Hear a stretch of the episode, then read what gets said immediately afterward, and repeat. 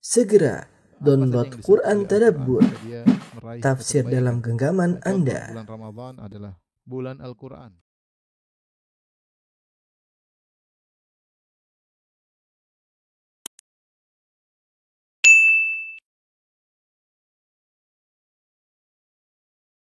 Bismillahirrahmanirrahim. Assalamualaikum warahmatullahi wabarakatuh. Alhamdulillahi ala ihsani wa syukru lahu ala taufiqihi wa amtinani wa asyhadu an la ilaha illallah wahdahu la syarika lahu ta'ziman li sya'nih wa asyhadu anna Muhammadan abduhu wa rasuluhu da'ila ridwani Allahumma salli alaihi wa ala alihi wa ashabihi wa ikhwani Hadirin dan hadirat yang dirahmati oleh Allah Subhanahu wa taala, kita masuk pada bab berikutnya.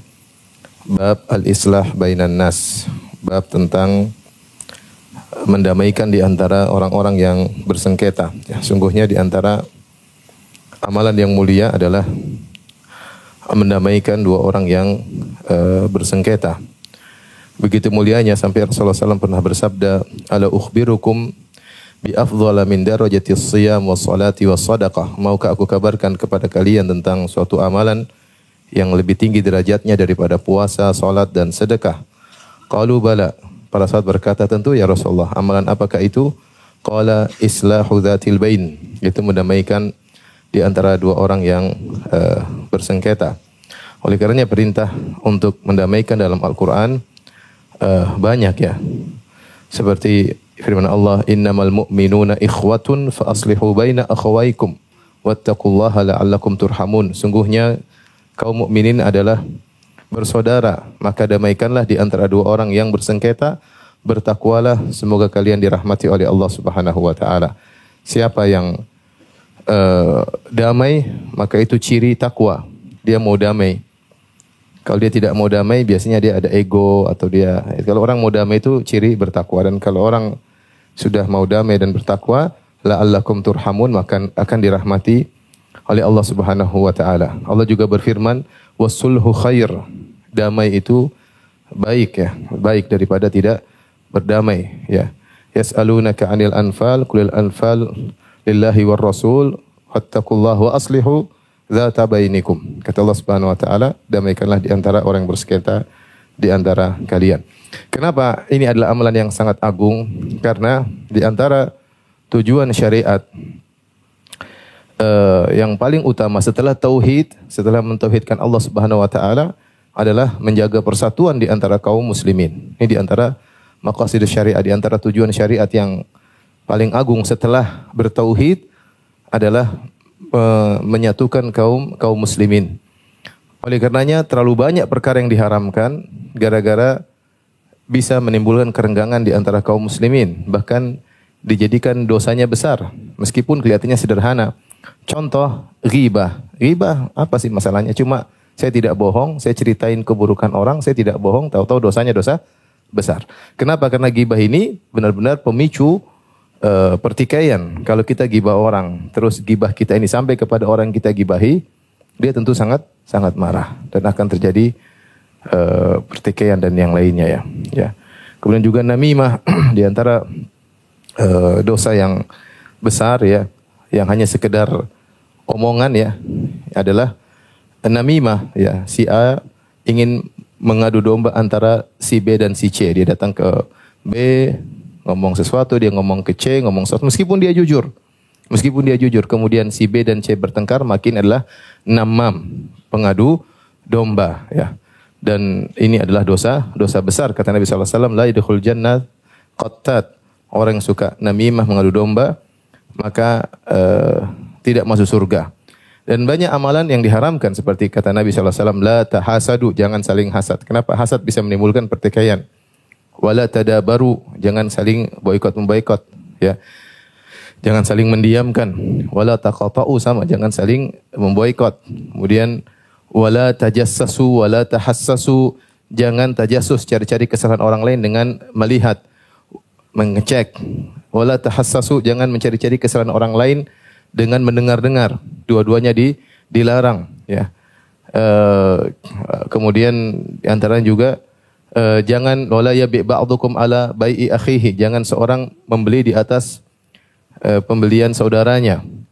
Jangan dia menawar di atas tawaran saudaranya. Wala yakhtibur rajul ala khibati akhihi. Jangan seorang melamar di atas lamaran saudaranya ya. Wala yasumu ahadukum ahadukum ala saumi akhihi. Jangan dia menawar di atas tawaran saudaranya. Artinya banyak sekali hal-hal yang dilarang yang semua itu menimbulkan pertikaian. Bahkan kata Nabi sallallahu alaihi wasallam la yataja la yatanajal isnan duna salis. Idza kuntum salasa jika kalian tiga orang maka jangan dua orang berbisik-bisik, yang satu tidak diajak ngomong. Kenapa? Karena kalau dua orang bisik-bisik, yang ketiga tidak diajak ngomong, dia akan tersinggung. Uh, ini mungkin ngomongin saya, mungkin saya tidak dianggap, makanya saya tidak diajak ngomong. Setan akan mendiktekan macam-macam. Meskipun mereka berdua tidak ngomongin dia ya, tidak ya. Tapi tetap dilarang, adabnya demikian. Kenapa? Karena ini bisa menimbulkan apa? pertikaian. Jadi kalau kita perhatikan syariat banyak sekali perkara-perkara yang diharamkan gara-gara bisa menimbulkan pertikaian. Sebaliknya terlalu banyak perkara yang disyariatkan dapat pahala demi untuk mempererat. Contoh salam dapat pahala, jabat tangan dapat apa? Pahala, senyum dapat apa? Pahala banyak sekali. Kenapa kita suruh sholat berjamaah supaya kita ada persatuan? Padahal paling enak sholat sendiri di rumah ya. Kalau sholat di masjid kan tergantung terkadang kanannya nggak beres, terkadang kirinya nggak nggak beres. Terkadang makmumnya nggak beres, terkadang imamnya nggak beres. Enak sholat sendiri di rumah. Tapi ternyata eh, syariat menyuruh kita untuk apa? Sholat berjamaah di antaranya untuk mempererat persatuan ya. Eh, dan kemudian datang ke masjid kumpul, sholat Jumat, sholat Id dan macam-macam banyak sekali kegiatan-kegiatan yang dianjurkan demi untuk persatuan. Di antara perkara yang menakjubkan di kalangan dikata, di perkataan para ulama, perkataan yang jujur tapi bisa menimbulkan pertikaian, hukumnya dosa. Perkataan yang jujur tapi bisa menimbulkan pertikaian hukumnya dosa. Yaitu apa? Gibah dan namimah. Gibah itu jujur ya, dia tidak bohong. Dan namimah juga tidak disyaratkan bohong, dia jujur. Tapi gara-gara dia menukil berita ke A, menukil berita ke si B, akhirnya A dan B bertengkar. Meskipun dia jujur. Meskipun dia dia jujur. Jadi kejujuran kalau menimbulkan pertikaian bisa jadi dosa, bahkan dosa besar. Sebaliknya, bohong untuk perdamaian dapat pahala ya. Nanti akan kita bahas. Di antaranya bohong untuk mendamaikan dibolehkan dalam syariat. Padahal bohong asalnya dosa besar. Tapi dalam rangka, jika dalam rangka untuk mendamaikan di antara dua orang bersengketa, maka dapat pahala. Ini saya kasih mukaddimah untuk memberi gambaran kepada kita bahwasanya di antara ibadah yang agung adalah al-islah baina dzatil bain, yaitu mendamaikan di antara dua orang yang bertikai bahkan dalam hadis tadi uh, Rasulullah mengatakan lebih tinggi derajatnya daripada daripada puasa dan sholat dan sedekah. Yaitu adalah mendamaikan dua orang yang uh, bersengketa ya. Bahkan di antara pendapat fuqaha, kalau ada orang, ya terkadang mendamaikan itu butuh duit, terkadang. Mendamaikan itu butuh apa duit. Saya pernah di Mekah ada kasus ya, saya sama seorang syekh, kawan. Kemudian dua orang bertengkar, satunya mukul sampai kepalanya darah. Ribut. Akhirnya syekh tersebut manggil mereka berdua ada saya waktu manggil terus dia kasih duit saya ribuan real lah mereka ini pegawai apa pekerja-pekerja kasar orang Bangladesh kalau nggak salah bertengkar satunya mukul kepalanya darah ribut. Akhirnya dipanggil sama saya dikasih duit ribuan real. Ya sudah. Dia dia mengatakan saya maafkan kalau perlu pukul dua kali. Artinya artinya mungkin ya, luka sedikit dapat ribuan real. Ya, ya, senang lah. Artinya terkadang kita mengislah itu butuh apa? Butuh biaya. Mungkin butuh. Misalnya kalau terjadi di antara kita ada kita ingin mendamaikan, terkadang kita harus safar ke sana ke pihak A, safar ke pihak B ini butuh duit. Nah, sebagian fuqaha mengatakan kalau ada orang punya hutang gara-gara dia ngeluarin duit untuk mengislah, mendamaikan, maka hutangnya ini boleh dilunasi dengan uang zakat. Hutangnya ini boleh dilunasi dengan uang zakat meskipun dia orang kaya. Artinya utang dia itu gara-gara mengislah di antara apa? Orang yang bersengketa. Ini menunjukkan bahwasanya pandangan syariat terhadap mendamaikan dua orang yang bersengketa itu besar ya, pahalanya besar. Jadi eh, pintu pahala terbuka lebar, bukan cuma baca Quran, bukan cuma sholat, bukan cuma banyak banyak pintu pahala di antaranya mendamaikan di antara dua orang yang bersengketa. Tapi Al Imam Nawawi rahimahullahu taala membawakan ayat-ayat tentang perintah untuk damai di antaranya firman Allah surat An-Nisa 114 Allah berfirman, "La khaira fi katsirin min najwahum illa man amara bi sadaqatin aw ma'rufin aw islahin bainan nas." Wa may yaf'al dzalika ibtigha'a mardatillahi fasawfa nu'tihi ajran 'azima. Kata Allah tidak ada kebaikan pada kebanyakan bisikan-bisikan di antara manusia. Namanya orang bisik-bisik biasanya apa? Biasanya gibah, namimah, jelekin orang, bisik-bisik ya biasanya. Biasanya bisik-bisik itu isinya keburukan biasanya. Tetapi ada bisik-bisik yang tidak yang yang bagus. Bisik-bisik untuk apa? Ilaman amara bisadaqah. Orang bisik-bisik untuk bersedekah. Au ma'rufin, au bisik-bisik atau bisik-bisik untuk rencana uh, berbuat kebaikan, untuk bersedekah misalnya atau untuk mengunjungi orang sakit, bisik-bisik berdua, eh kita ke sana ya. Ini ada masalah ini bagus. Au islahim bainan nas atau bisik-bisik dalam rangka untuk mendamaikan orang-orang yang bersengketa. Kata Allah setelah itu, "Wa may yaf'al dzalika mardatillah." Siapa yang melakukan perbuatan tersebut? Al-amr bil ma'ruf, al-amr bis sadaqah, menyuruh kepada yang kebaikan, menyuruh untuk bersedekah, al-islah bainan nas untuk mendamaikan. Ibtigha'a mardatillah dalam rangka untuk mencari keridhaan Allah. Fasaufa nu'tihi ajran azima, maka kami akan berikan kepadanya ganjaran yang besar, ajran azima, ganjaran yang yang besar. Uh, perhatikan di sini ini isyarat bahwasanya Mendamaikan pun butuh keikhlasan.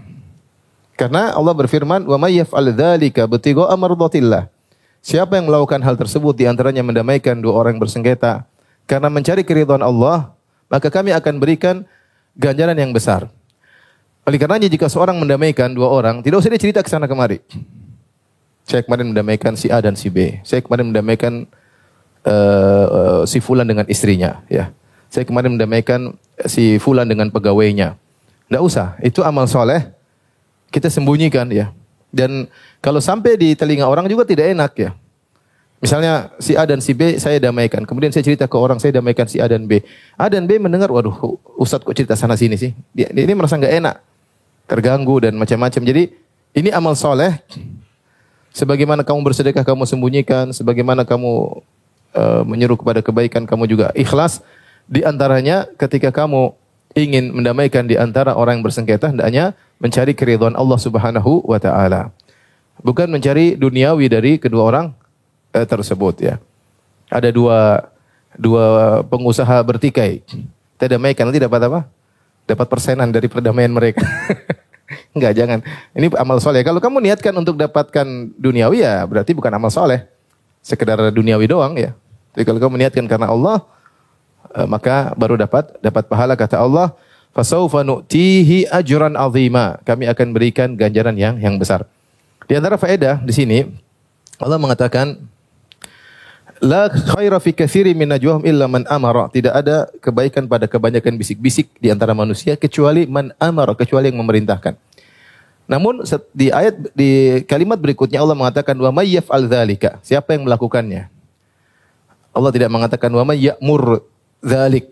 Siapa yang memerintahkan untuk sedekah, untuk berbuat baik, untuk mendamaikan. Tapi Allah mengatakan barang siapa yang melakukannya, yang bersedekah, yang uh, melakukan kebajikan, dan yang uh, mendamaikan. Jadi awal ayat Allah mengatakan siapa yang memerintahkan. Memerintahkan ngomong, eh ayo berbuat baik. Eh damaikanlah mereka berdua. Cuma, oh lakukanlah kebajikan.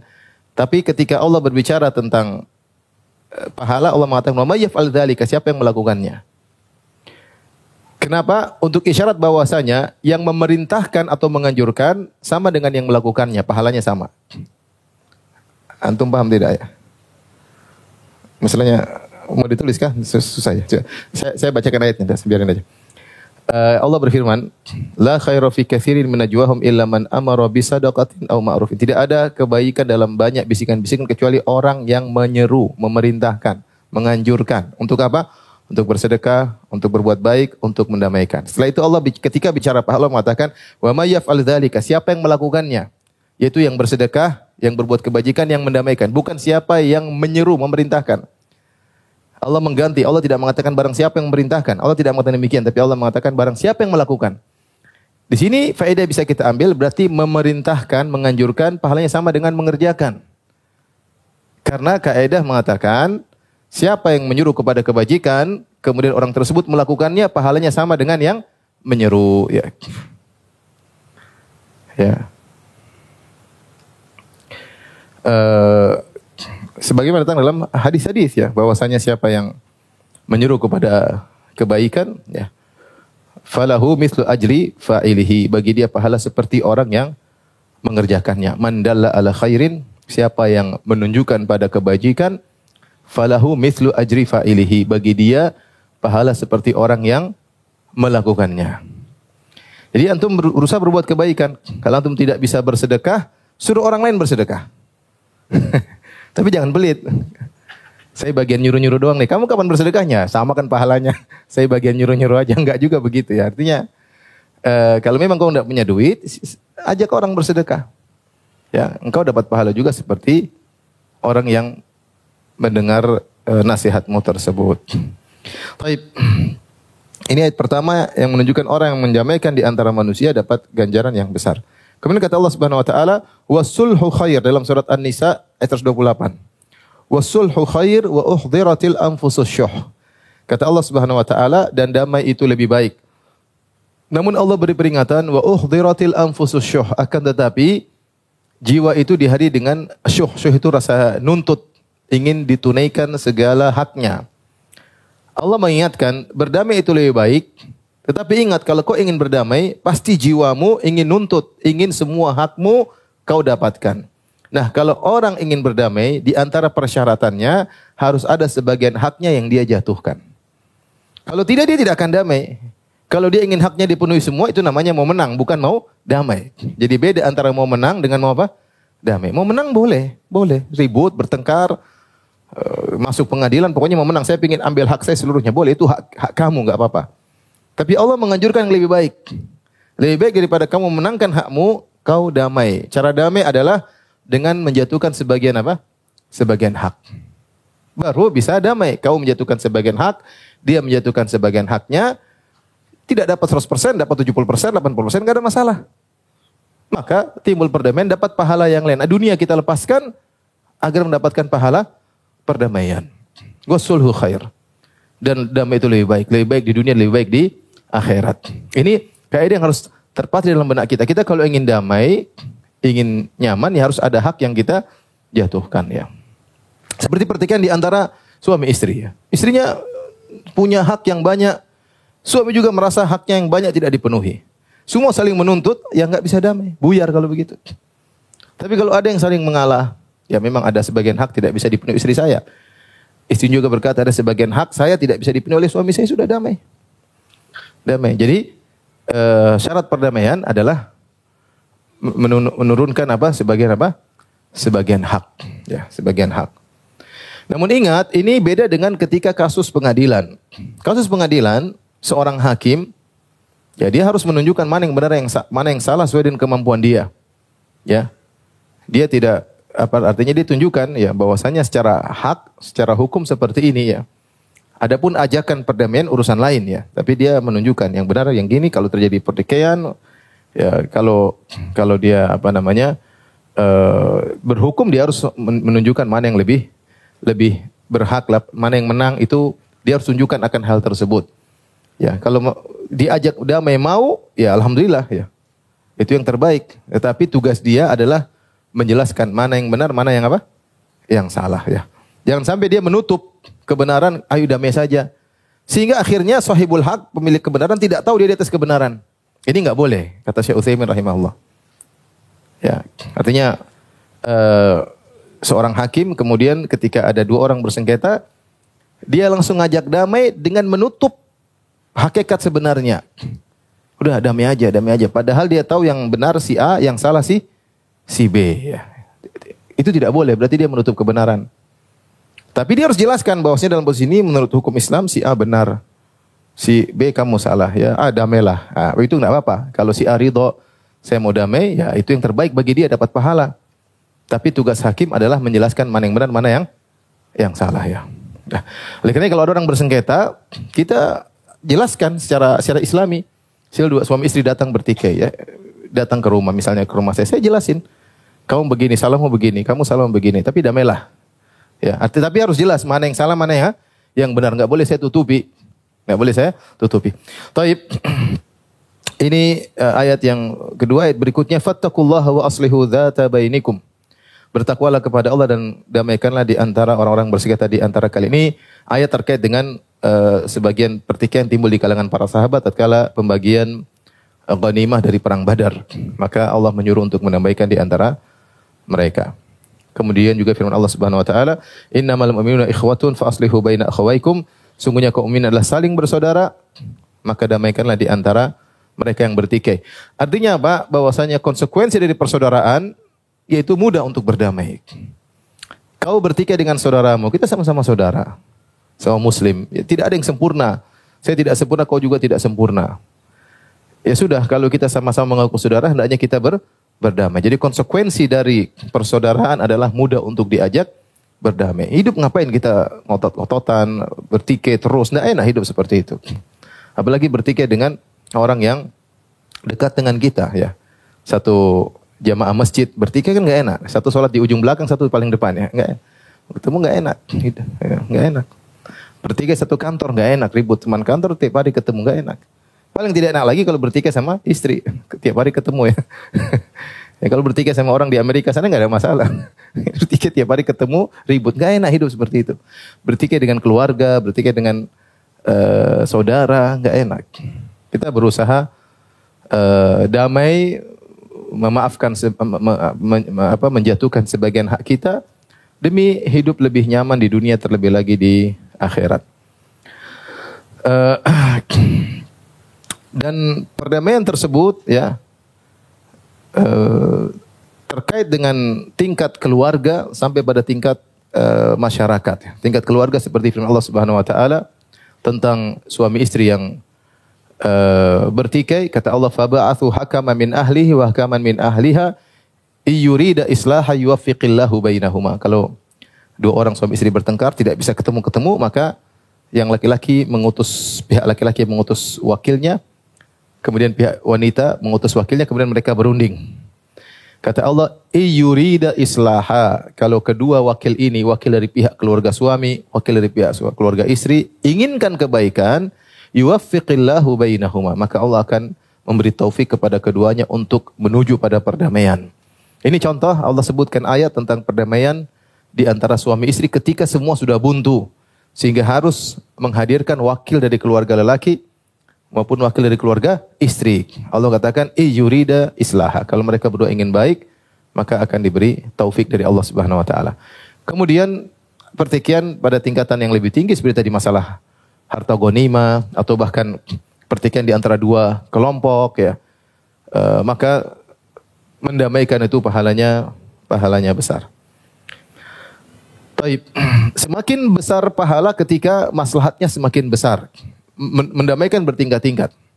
Syekh Utsaimin rahimahullah taala uh, menyebutkan jika dua orang yang bertikai ternyata hubungan mereka lebih dekat, kemudian mereka bertikai, maka seorang yang mendamaikan pahalanya lebih besar. Beda pertikaian antara teman dengan teman, kalau kita damaikan dapat pahala. Beda dengan ketika kakak dan adik, pahala lebih besar lagi. Ada kakak adik bertikai, nah ini kita damaikan pahala lebih besar lagi. Lebih besar lagi jika anak sama orang tua bertikai. Kemudian kita ajak ngobrol, kita uh, berusaha mendamaikan. Kalau kita berhasil mendamaikan, pahala lebih besar lagi. Ya. Jadi tingkatan islah pun bertingkat-tingkat. Demikian juga perdamaian antara dua orang yang bertikai beda dengan perdamaian antara seratus orang bertikai dengan seratus orang. Masalahnya besar kalau seratus orang damai dengan seorang maka uh, maksud saya perbuatan islah mendamaikan ini tidak pahalanya tidak satu. Tapi semakin besar maslahat yang diperoleh, maka pahalanya semakin semakin besar. Pahalanya semakin semakin besar. Tapi kita masuk pada hadis yang pertama. An Abi Hurairah radhiyallahu taala anhu qala qala Rasulullah sallallahu alaihi wasallam dari Abu Hurairah radhiyallahu anhu Rasulullah SAW bersabda kullu sulama minan nasi alaihi sadaqah setiap mifsal setiap sendi yang ada pada manusia ada kewajiban sedekahnya. Ada kewajiban sedekahnya. Kita ini setiap manusia ada 360 sendi. Ya, 360 sendi dan setiap kita bangun pagi alhamdulillah nyaman semua. Ya, tidak ada yang konslet ya.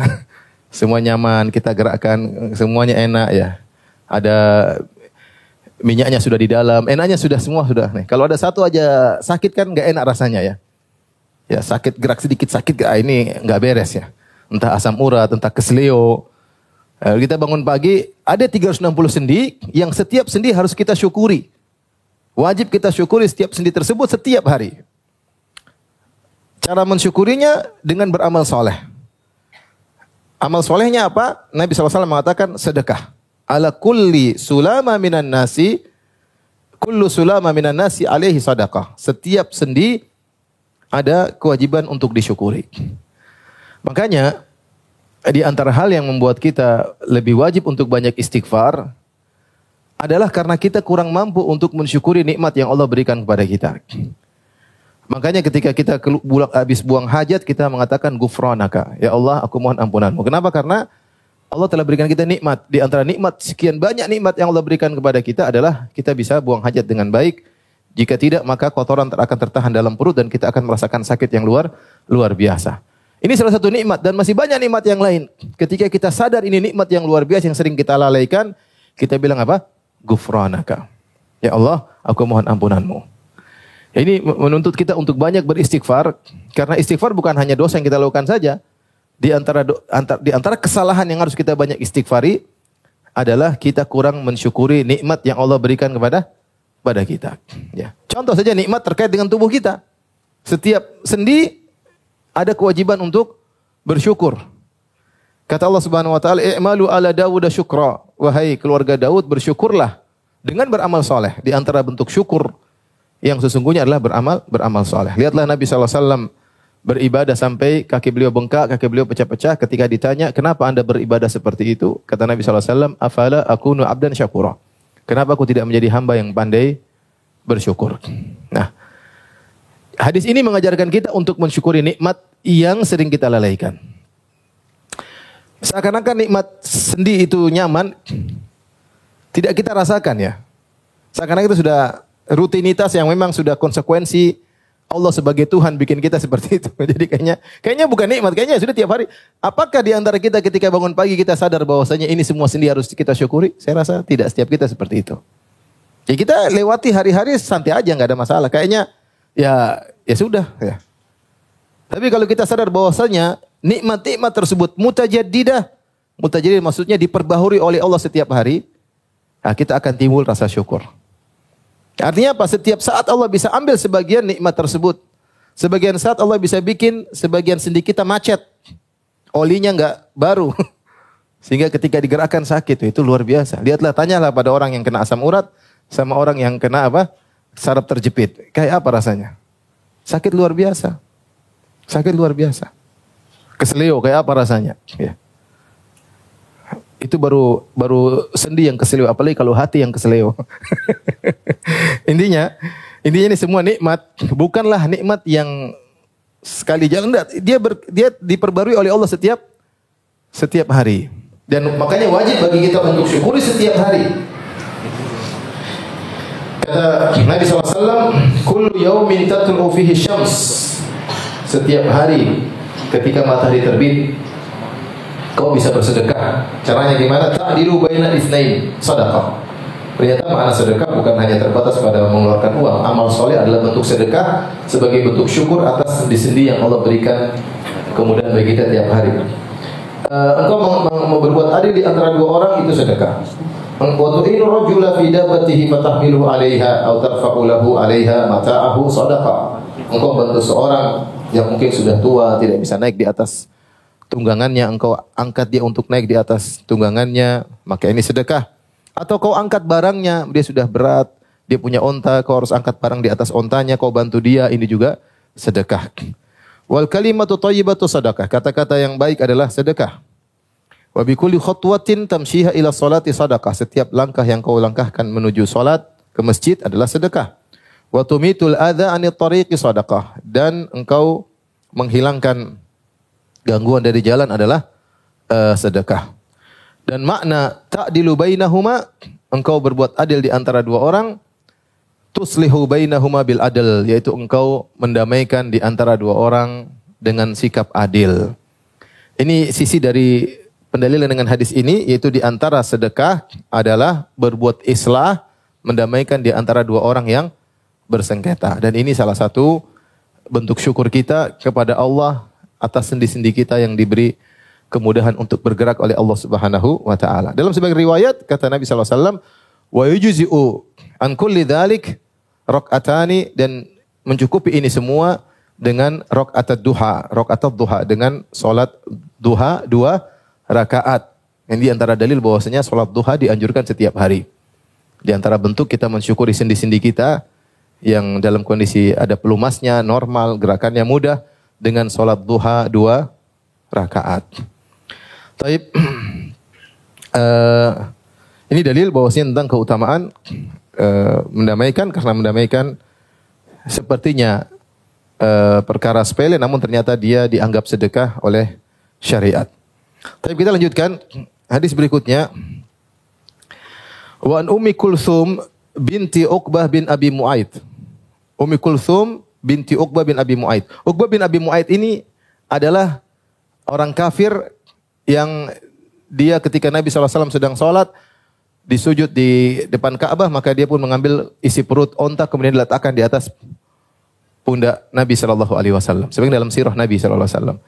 Kemudian ketika Nabi sujud diletakkan kotoran onta di atas pundaknya, Nabi tidak berani bangun. Kalau bangun maka semakin meluber ke sana kemari. Maka Nabi sujud tidak berhenti berhenti. Sementara mereka tertawa terbahak-bahak. Pelakunya inilah Uqbah bin Abi Mu'aid. Akhirnya dilaporkanlah kepada Fatimah radhiyallahu taala anha. Baru kemudian Fatimah masih kecil maka dia pun bersihkan. Kemudian dia maki-maki orang-orang Quraisy tersebut. Setelah itu Nabi SAW berdoa, Ya Allah alaika bi Quraisy. Rasulullah berdoa dengan suara dikeraskan. Mereka dengar, Ya Allah hancurkan orang Quraisy. Ya Allah hancurkan si fulan. Binasakan si fulan. Si fulan. Semua yang Nabi doain semua tewas.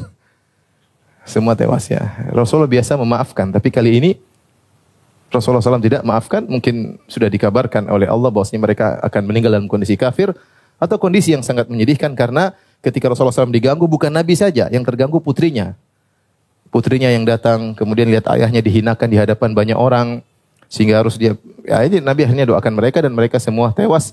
Di antaranya Uqbah bin Abi Mu'aid, pelaku kejahatan tersebut. Ternyata dia punya anak-anak, ada yang Islam ya.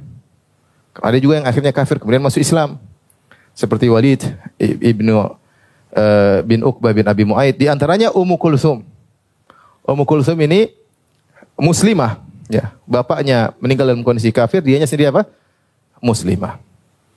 Kemudian uh, dia muslimah tapi dia tidak bisa berhijrah karena keluarganya semuanya kafir, kakak-kakaknya, saudara-saudaranya kafir sehingga dia tidak bisa berhijrah ke kota Madinah dia bertahan dengan Islamnya termasuk orang-orang yang lemah tidak bisa berhijrah. Sampai akhirnya Rasulullah SAW berhijrah. Kemudian setelah Sulhul Hudaybiyah tahun 6 Hijriah baru kemudian dia datang untuk berhijrah. Karena ketika itu perdamaian.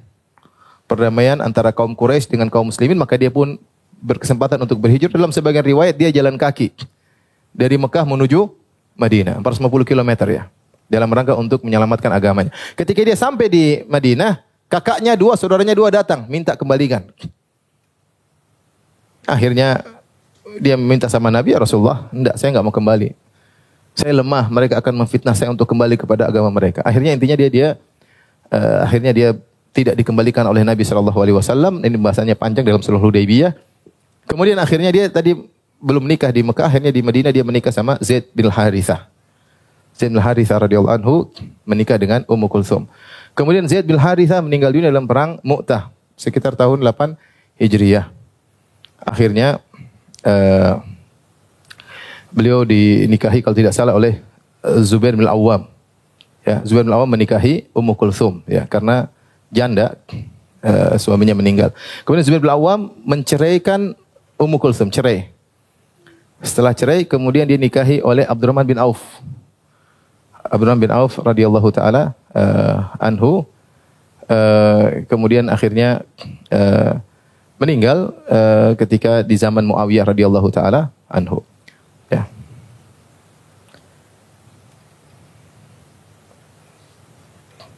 Kenapa saya sampaikan hal ini? Ada yang tahu? Ada yang bisa tebak? Enggak ada. Hmm. Maksud saya ingin sampaikan bahwasanya lihat bagaimana para sahabat dahulu ya. Nah, ini kita belum bisa lakukan ya. Artinya kalau ada janda temannya dia nikahi. Temannya meninggal langsung dinikahi ya. Bayangkan Zaid bin Harithah meninggal langsung ada sahabat yang nikahi istrinya. Enggak cocok cerai dinikahi lagi sama yang yang lain. Artinya begitulah mereka apa namanya eh, saling tolong menolong ya. Karena mereka tahu bahwasanya memperhatikan para janda dapat pahala yang besar. Ini ibu nanti tersinggung ya. Saya cuma menyampaikan aja ya. Belum tentu berani. Tapi itulah kenyataan bosnya. Kalau kita baca sejarah tentang sahabat-sahabat Nabi, begitu ada yang meninggal langsung dilamar. Lihatlah bagaimana Asma bintu Umais radhiyallahu taala anha menikah dengan Ja'far bin Abi Thalib. Meninggal dinikahi oleh Abu Bakar. Abu Bakar meninggal dinikahi oleh Ali bin Abi Thalib. Subhanallah. Langsung. Enggak ada janda enggak laku ya. Sana dulu karena mereka menikah dengan niat di antaranya untuk apa? Menolong. Bagaimana ini dulu istri saudara temannya, maka dia tolong untuk uh, menjaga kehormatan janda kawannya ya. Ini sekedar informasi ya. Boleh di skip ya. Ya sekarang maksudnya kasihan ya kondisi ya. Kasihan para janda, kasihan para lelaki juga. Ya. Uh, kita lanjut, itu sekedar intermezzo. Kita lanjut ya. Sami itu Rasulullah SAW yakul, aku mendengar Rasulullah SAW bersabda. Bukan itu intinya bapak-bapak. Jangan jangan perhatian sama yang tadi, yang ini. kita sedang berbicara tentang mendamaikan orang yang bersengketa. Bukan masalah janda-janda ya, mohon maaf ya. Itu cuma sekedar intermezzo ya. Tayyip, perhatian yang ini sekarang. Sami itu Rasulullah SAW yakul, aku mendengar Rasulullah SAW bersabda, Laisal kadzabu alladhi yuslihu bainan nas fayanmi khairan aw yaqulu khairan. Bukanlah seorang dikatakan berdusta, bukanlah pendusta, orang yang mendamaikan di antara orang-orang yang bersengketa, fayanmi khairan maka dia menyebutkan kebaikan, aw yaqulu khairan atau dia berkata-kata yang baik, muttafaqun alaih. Hadis riwayat Bukhari dan Muslim. Wa fi riwayat Muslim, dalam riwayat Muslim ada tambahan, qalat Walam asma'hu yurakhisu fi syai'in mimma yaquluhu nas illa fi thalath. Kata Ummu Kulthum, aku tidak mendengar Rasulullah SAW membolehkan dusta kecuali di antara pembicaraan manusia kecuali pada tiga perkara. Takni al-harb, boleh dusta dalam peperangan. Boleh wal islah bainan nas, dusta karena mendamaikan orang bersengketa. Wa hadits ar-rajuli imra'atahu wa hadits al-mar'ati zaujaha. Dan seorang laki berdusta kepada istrinya, omongan dengan istrinya atau istri berdusta kepada suaminya untuk Uh, menumbuhkan rasa cinta di antara mereka berdua. Hadis ini menjelaskan tentang agungnya mendamaikan di antara manusia yang bersengketa, bahkan dibolehkan untuk berdusta. Nah, dusta di sini ada khilaf di kalangan para ulama. Apa yang dimaksud dengan dusta di sini? Dusta yang dibolehkan untuk dalam peperangan, dalam mendamaikan orang yang bersengketa, dusta antara omongan suami istri. Pendapat pertama mengatakan bahwasanya dusta yang dimaksud bukan dusta beneran, tapi disebut tauriah. Tauriyah adalah seorang yang mengucapkan perkataan yang benar dengan maksud agar pendengar salah paham. Dengan maksud agar pendengar salah paham. Ya. Dan ini boleh dilakukan dalam kondisi terdesak. Seperti ketika Nabi SAW berjalan dengan uh, Abu Bakar radhiyallahu anhu ketika hijrah, maka orang-orang ada yang kenal Abu Bakar, mereka bertanya, ya Abu Bakar siapa di depanmu? Kalau Abu Bakar mengatakan ini Muhammad SAW, mungkin mereka akan nangkap Muhammad SAW. Tapi Abu Bakar mengatakan, Hada al-hadi ila tariq. Ini adalah penunjuk jalan. Orang yang mendengar, menyangka Muhammad SAW penunjuk jalan Abu Bakar. Padahal maksud Abu Bakar adalah penunjuk jalan menuju surga. Karena SAW juga tidak tahu jalan. Ya. Makanya mereka berdua menyewa seorang penunjuk jalan, orang kafir namanya Abdullah bin Luraiqid. Jadi mereka dua-dua sama-sama tidak tahu jalan. Karena mereka menempuh jalan tikus untuk menuju ke Madinah. Maksud saya ini contoh namanya apa? Tauriyah. Mengucapkan sesuatu yang benar dengan maksud yang mendengar salah salah paham. Namun ini tidak boleh dilakukan oleh seorang mukmin, nggak boleh. Kecuali dalam kondisi ter terdesak. Jangan setiap orang selalu tauriyah. Setiap ngomong selalu tauriyah. ini ente ngomong yang benar, orang mukmin ngomong yang benar. Tauriyah melulu nggak nggak benar ya. Seperti disebutkan sebagian ulama ketika dipaksa mengucapkan Al-Quran Taurat, Injil adalah makhluk. Kalau tidak akan disiksa. Ketika itu banyak ulama yang terpaksa mengucapkan Al-Quran itu makhluk. Yang bertahan di antaranya Imam Ahmad. Imam mengatakan Al-Quran goiru makhluk. Al-Quran bukan makhluk. Sehingga dia disiksa, di, di, dicambuk sampai terlepas dagingnya. Intinya, sebenarnya mengatakan karena dia takut dihukum, dia mengatakan At-Taurat, Al-Injil, Zabur, Al-Quran, hadhihi makhluk. Ini semua makhluk. Maksudnya jarinya yang makhluk, paham? Dia bilang Al-Quran, Taurat, Zabur, Injil ini semua adalah apa? Makhluk. Ini contoh tauriyah. Ucapannya benar tapi dimaksud agar orang salah salah paham. Ini diperbolehkan dalam kondisi terdesak. Seorang mukmin tidak melakukan tauriyah kecuali terdesak ya. Nah, ini pendapat pertama mengatakan yang dimaksud dengan dusta yang dibolehkan adalah dusta model begini. Pendapat kedua mengatakan tidak, yang dimaksud dengan dusta yang dibolehkan benar-benar dusta. Artinya memang kita boleh berdusta dalam rangka untuk mendamaikan. Dan saya condong pada pendapat kedua, bahwasanya dusta yang dimaksud benar-benar dusta diperbolehkan dalam peperangan, ya, berbohong kepada musuh ya, dan mengatakan kekuatan sedang banyak ternyata tidak ya. Uh, membohongi mereka ya dalam perangan boleh, perangan boleh, ada harbu ya bahwasanya perang adalah tipuan. Di antaranya misalnya berbicara antara suami istri juga boleh. Ya. Saya kita bilang sama istri, istri kita kamu adalah wanita tercantik di dunia. Ya. Istri kamu yang bohong besar. kok terjadi gitu kok masih jelalatan katanya. ya, tapi ini boleh seperti ini boleh. Kita kamu tambah manis hari ini. Ya. Memang kemarin nggak manis, enggak, yang mana juga manis. Sekarang lebih manis lagi. Bisa. Ini gombal-gombal seperti ini boleh ya. Meskipun kita tahu itu isinya apa? Dusta ya. Tapi gak ada masalah. Istri pun tahu dusta dia senang-senang aja. Oh, masa sih, masa sih. Iya benar, benar demi Allah, demi Allah.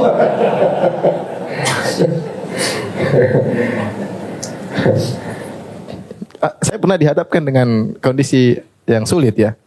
Nggak usah lah, nggak usah dicerita.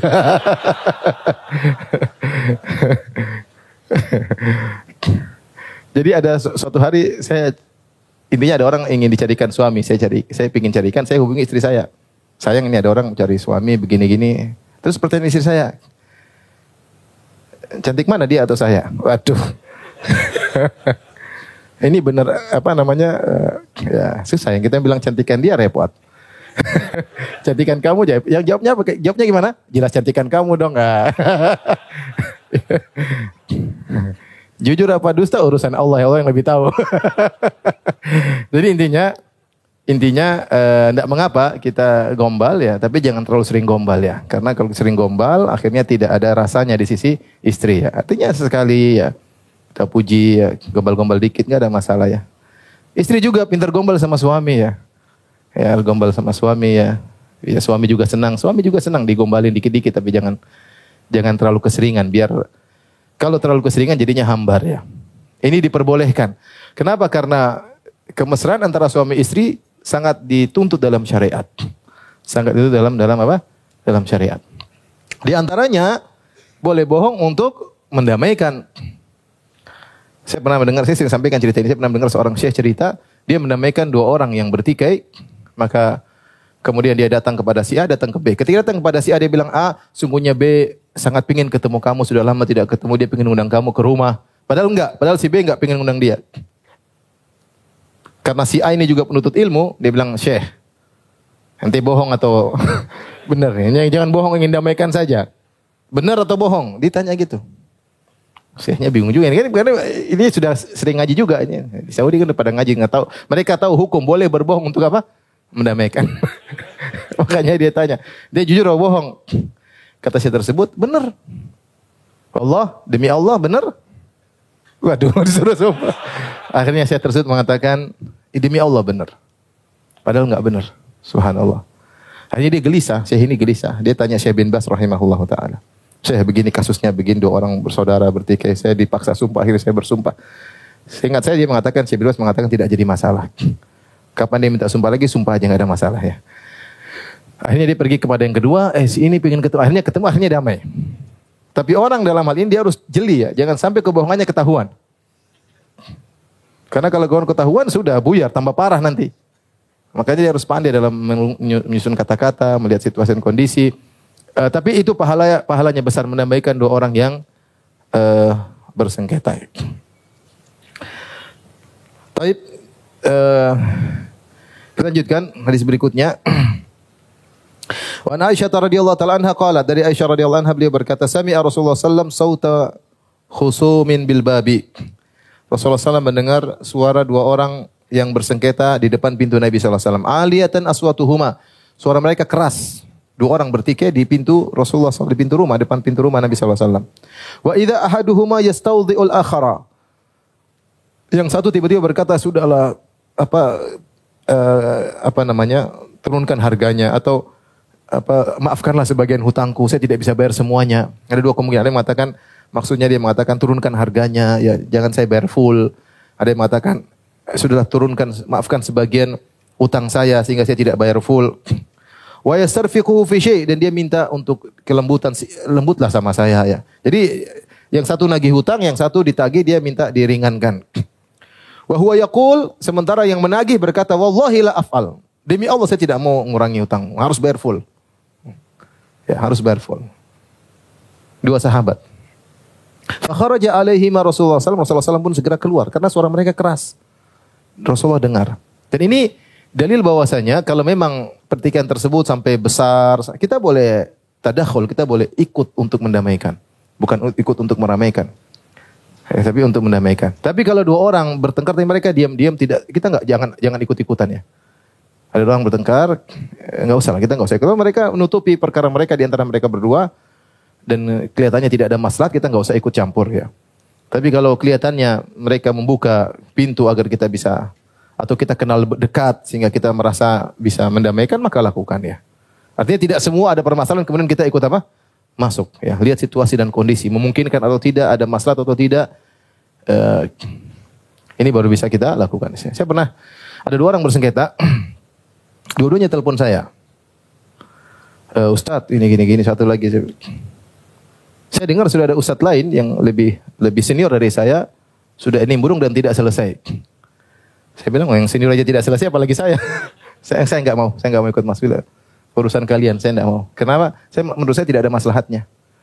Karena masing-masing ingin mencari apa? Menang ya. Emang kalau Ustadz senior sudah masuk tidak selesai, apalagi saya. Akhirnya saya tidak mau eh, masuk dalam ranah pertikaian mereka. Entah mereka sudah damai atau belum, Allah alam besok ya. Taib. Maka dia bersumpah orang ini, wallahi la af'al demi Allah saya tidak akan kurangi hutangmu, harus bayar full. Fakharaja alaihi ma Rasulullah SAW karena mendengar suara mereka keras, Rasulullah SAW pun keluar. Faqala ainal muta'alli ala Allah la yaf'alul ma'ruf. Siapa tadi yang bersumpah demi Allah aku tidak akan melakukan kebaikan. Karena menggugurkan sebagian hutang, memaafkan sebagian hutang itu kebaikan. Sementara dia bersumpah demi Allah aku tidak akan mengurangi hutangmu. Faqala ana ya Rasulullah maka sahabat semua saya Rasulullah. Falahu ayu dzalika ahab maka langsung dia kata dia ya Rasulullah terserah deh. Ini terserah dia dia mau kurangi boleh saya maafkan silakan. Karena ternyata Rasulullah SAW tegur apa? Tegur langsung. Ketika Rasulullah siapa tadi yang bersumpah dengan nama Allah tidak melakukan kebajikan. Akhirnya dia merasa tersadar.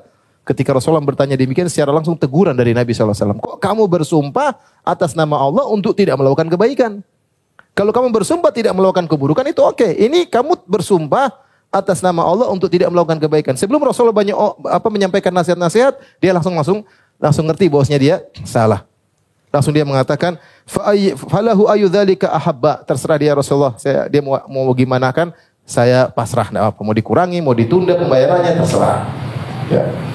Ini di antara dalil bahwasanya Rasulullah SAW eh, masuk dalam urusan mereka dalam rangka untuk eh, mendamaikan di antara mereka. Baik. Satu hadis lagi, masih ada empat menit ya, lima menit. Hadis terakhir. Dari Abu Abbas Sahal bin Sa'ad As-Sa'idi radhiyallahu anhu anna Rasulullah alaihi wasallam anna Bani Amr bin Auf kana bainahum syarrun. Kana bainahum syarrun. Rasulullah SAW di Madinah, kemudian SAW mendengar kabar bahwasanya Bani Amr bin Auf tinggal di Kuba, eh, Madinah. Dulu kota antara Madinah dan Kuba seperti dua kota yang berbeda ya. Kalau sekarang sudah satu kota. Dan jarak perjalanan kaki kira-kira 40 menit dari eh, apa namanya dari Madinah ke Kuba. Eh, ternyata sampai berita kepada Nabi ada Bani Amr bin Auf sedang bertikai di antara mereka. Rasulullah mendengar mereka bertikai, Rasulullah SAW semangat untuk mendamaikan. Makanya perawi berkata, "Fakharaja Rasulullah SAW yuslihu bainahum fi unasin ma'ahu." Akhirnya Rasulullah SAW bawa sebagian sahabat, langsung Rasulullah SAW menuju ke sana. Demi untuk mendamaikan sampai Rasulullah SAW terlambat sholat. Rasulullah SAW langsung berangkat karena pergi menuju Kuba butuh waktu. Dan dia bawa beberapa teman, ini perkaranya penting, Rasulullah ingin men- mendamaikan mereka. Wahanati salat, fahubisa Rasulullah SAW wahanati salat. Ternyata Rasulullah SAW tertahan di sana, karena urusan mungkin ngobrol sama mereka atau bagaimana agar mereka damai. Rasulullah SAW belum datang-datang sampai kota Madinah, sementara sudah tiba waktu salat. Faja'a Bilalun ila Abi Bakar. Dan para sahabat ingin sholat tepat waktu. Dan mereka tidak tahu Rasulullah SAW kapan baliknya. Karena urusan mendamaikan tidak mudah. Sehingga Bilal beristihad. agar sholat segera dilakukan. Maka datanglah Bilal kepada Abu Bakar. Ya kalau Rasulullah SAW ada berhalangan, maka yang lebih utama jadi imam siapa? Abu Bakar. Faqala ya Abu Bakrin, inna Rasulullah SAW qad hubis, kata Bilal, wahai Abu Bakar. Sungguhnya Bilal, ter, uh, sungguhnya Rasulullah SAW tertahan. Wahanati salat dan sudah tiba waktu salat. Fahallaka anta uman nas, maukah engkau mengimami manusia, mengimami orang salat? Qala na'am in syi'ta. Kata Abu Bakar, na'am. Kalau kau mau demikian, oke okay, Abu Bakar. Oke okay, Bilal.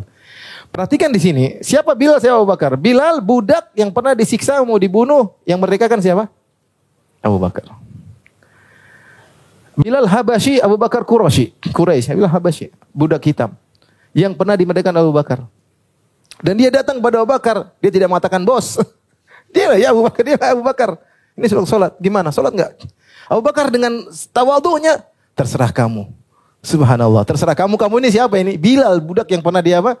merdekakan. Dia tidak merasa ah, kayak kamu ini dulu saya kalau enggak kamu udah mati tahu enggak enggak, enggak ya. Subhanallah dia dengan penuh tawal dia mengatakan terserah kamu. Dia serahkan utus keputusan kepada apa? Kepada Bilal. Dia tidak mengatakan ya urusan saya dan saya lihat kamu sudah kamu tugasmu azan doang ya. Enggak. Dia bilang terserah kamu. Langsung Bilal eh, menegakkan salat iqamat fa aqama Bilalun as-salat. Iqamat. Wa taqaddama Abu Bakar fakabbara. Abu Bakar pun jadi imam, dia Allahu Akbar. Wa kabbaran nas, orang pun bertakbir di belakang Abu Bakar. Wa ja'a Rasulullah sallam yamshi fi sufuf hatta qama fi saf. Ternyata Rasulullah SAW datang. Subhanallah ini kondisi yang tidak mengenakan ya. Abu Bakar jadi imam, Rasulullah apa? Datang ya. Datang kemudian masuk Rasulullah SAW masuk di antara saf. Fa akhadha nasu fi tasfik. Orang gitu. Maksudnya ada suatu kejadian di belakang. Wa kana Abu Bakar la yaltafitu fi salat. Fi salat Abu Bakar tidak mau nengok, terus salat. Falamma aktsaran nas, orang bikin terus. Abu Bakar enggak nengok-nengok. akhirnya iltafat, akhirnya Abu Bakar nengok, ada apa? Ini boleh, nengok ada keperluan enggak ada masalah. Tapi kalau bisa nengok, tetap badan menghadap ke apa? Kiblat. Sebisa mungkin, kecuali darurat. Jadi kita dalam keperluan boleh nengok begini, boleh ke belakang, boleh. Kalau ada memang ada hal yang mengkhawatirkan enggak ada masalah. Ya. Uh, tapi usahakan badan tidak kecuali darurat. Taib hadirin hadirat yang dirahmati Allah Subhanahu wa taala kita lanjutkan uh, falamma aktsaran nas tasfik tatkala orang terus mukulkan tangan apa tepuk tangan tapi begini ya. Iltafata maka Abu Bakar pun menengok. Fa idza Rasulullah sallallahu alaihi wasallam tiba-tiba beliau melihat Rasulullah SAW di belakang. Fa asyara ilaihi Rasulullah sallam Rasulullah suruh Abu Bakar tetap jangan mundur. Farafa Abu Bakar yadahu ya.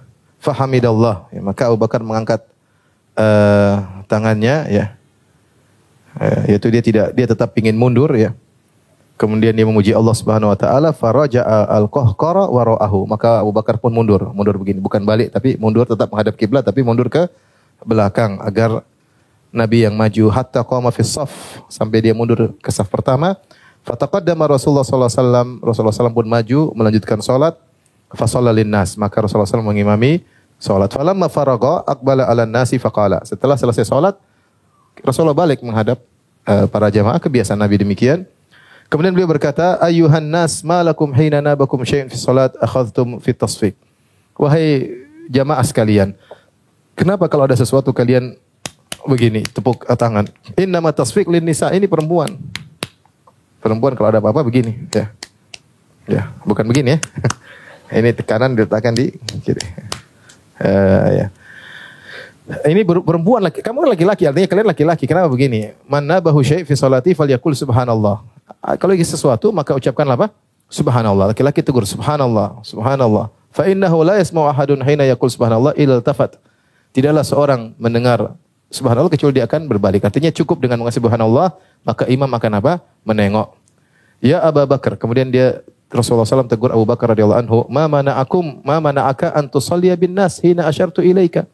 Apa yang menghalangimu untuk tetap jadi imam ketika aku suruh engkau jadi imam? Kalau Abu Bakar, ya nggak enak lah. Kata Abu Bakar radhiyallahu anhu, maka yang bagi libni Abi Kuhafa an yusalliya bin nas baina yaday Rasulillah. Tidak pantas bagi putranya Ibnu Abi Kuhafa. Dia tidak, dia tidak Rasulullah Abu Bakar menggunakan bahasa yang halus. Dia tidak berkata tidak pantas bagiku. Tapi dia menggunakan kata ganti orang ketiga. Tidak pantas bagi putra Ibnu Abi Kuhafa.